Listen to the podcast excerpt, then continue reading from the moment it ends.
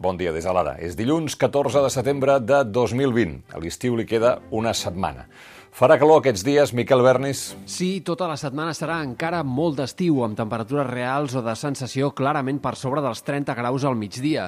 Avui el sol predominarà arreu. Demà hi haurà estones de cel enterbolit, però gairebé no plourà enlloc. Ahir va fer sis mesos que el govern va tancar les escoles i, per tant, avui, després de mig any, la canalla tornarà a les aules. El president Torra ha enviat un missatge a mestres i famílies. Ens hem esforçat perquè les escoles siguin un lloc segur i per tant vull enviar-vos un missatge de tranquil·litat, de serenitat. Sabem en cada moment què hem de fer i això és molt important. És molt important perquè les escoles és el més important que tenim. No hi ha res més important que el futur dels nostres fills, perquè ells són el futur del nostre país. Recordeu algunes instruccions. Tots els infants a partir dels 6 anys hauran de dur mascareta en tots els centres, des d'avui i durant almenys les dues primeres setmanes. A partir d'aleshores, d'aquí 15 dies, l'obligació dels, eh, dels de 6 anys, de 6 a 12, dependrà de com estigui la pandèmia a cada territori. L'ús de la mascareta a l'aula serà obligatori pels majors de 12 anys tot el curs.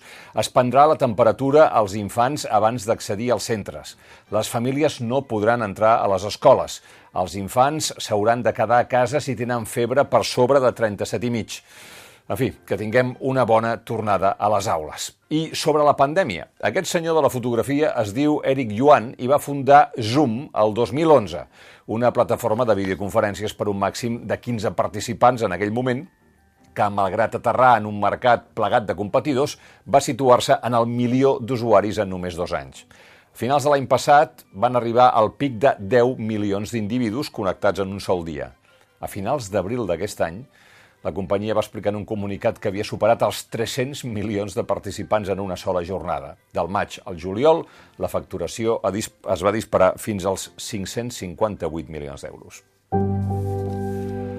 Avui comença una setmana important per la política catalana perquè dijous el Tribunal Suprem celebra la vista sobre la inhabilitació del president Torra, que hi serà en aquesta vista però no podrà participar-hi tot i que està previst que demani la paraula. La resolució arribarà al cap d'unes setmanes. I dimecres el president obrirà el debat de política general al Parlament on tots els grups li preguntaran pel calendari electoral, perquè si és inhabilitat caldrà fer eleccions, doncs sortirà el pròxim president de Catalunya. Per cert, l'advocat del president Torra i també del president Puigdemont, Gonzalo Boye, va denunciar ahir que uns desconeguts li van entrar al despatx i li van regirar. Aparentment no es van emportar res.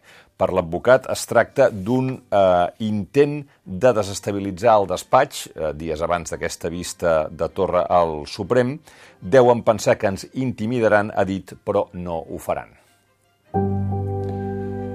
Ara una de bona. Ja saben que la justícia espanyola està investigant el cas Kitchen, o sigui, el presumpte espionatge ordenat pel ministre de l'Interior Jorge Fernández Díaz, el tresorer del PP Luis Bárcenas, per impedir que li portés documentació a la justícia sobre dobles comptabilitats, pagaments en sobres, finançament irregular de campanyes, etc. Doncs bé, Francisco Martínez, que era el secretari d'Estat de Seguretat, va dir ahir al país explicaré al jutge tot el que sé, i entre les coses que sap hi ha que ell firmava els xecs de fons reservats que pagaven el xofer de Bárcenas i que al costat de la seva firma hi havia la del coronel Diego Pérez de los Cobos, un vell conegut, el mateix que es va encarregar del dispositiu policial de l'1 d'octubre. Era ell qui s'encarregava de supervisar que hi hagués totes les firmes pertinents, des de la del policia que demanava fons per pagar el seu confident fins a les firmes per pagar la cúpula d'interior.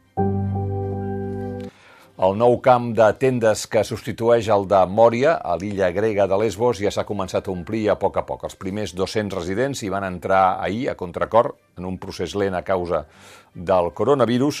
Es tracta de famílies amb criatures eh, i amb malalts, els col·lectius més eh, vulnerables, però aquesta recol·locació es fa en contra de la seva voluntat perquè esperaven que se'ls autoritzés a traslladar-se fins a la Grècia continental on creuen que tindrien més oportunitats, ni que fos d'escapar-se. Als esports trobareu la crònica de l'Àlex Gozalvo del partit d'ahir. El Barça de bàsquet va tornar a perdre una final, aquest cop la de la Supercopa, contra el Madrid, 72 a 67. El joc del Barça va millorar i el nou entrenador, Saruna Jasike Vicius, va declarar a la final del partit «He vist trossets del Barça que volem construir. Tot i el dolor que tenim per la derrota, hem de ser optimistes, hem competit molt bé, però això al Barça no li serveix. I uns altres que van competir molt bé són les desenes de persones que van fer cim a la pica d'estats i van haver de fer cua per fer-se la fotografia al capdamunt dels 3.143 metres de la pica, la muntanya més alta de Catalunya. Acabem com començàvem. Un que avui torna a les aules és el Pol Rubio, deixeble predilecte del Merlí, que un cop superat el batxillerat s'ha matriculat a la Facultat de Filosofia de la Universitat de Barcelona. Els espectadors de TV3 a partir d'avui podran seguir cada dilluns a les 10 com li van les coses en aquesta nova etapa vital gràcies a la sèrie Merlí Sapere Aude. El protagonisme recau ara en el personatge que encarna l'actor Carlos Cuevas, que en el seu primer any a la universitat coneixerà una professora, Maria Bolaño, que és l'actriu eh, Maria Pujalte, que es convertirà en la seva nova mentora. I una recomanació final. Aquesta tarda, a través de l'Ada.cat, podreu seguir en directe la presentació del darrer llibre de Lluís Llach, Escac al destí, una novel·la amb una mort misteriosa d'una reina a l'edat mitjana. En Llach estarà acompanyat de Sílvia Bel i de Jordi Boladeres i l'acte el transmetrem en directe des de la llibreria Ona de Barcelona a les 7 de la tarda. Fins aquí les claus del dia. Tornem d'aquí uns minuts amb l'anàlisi de l'actualitat. Thank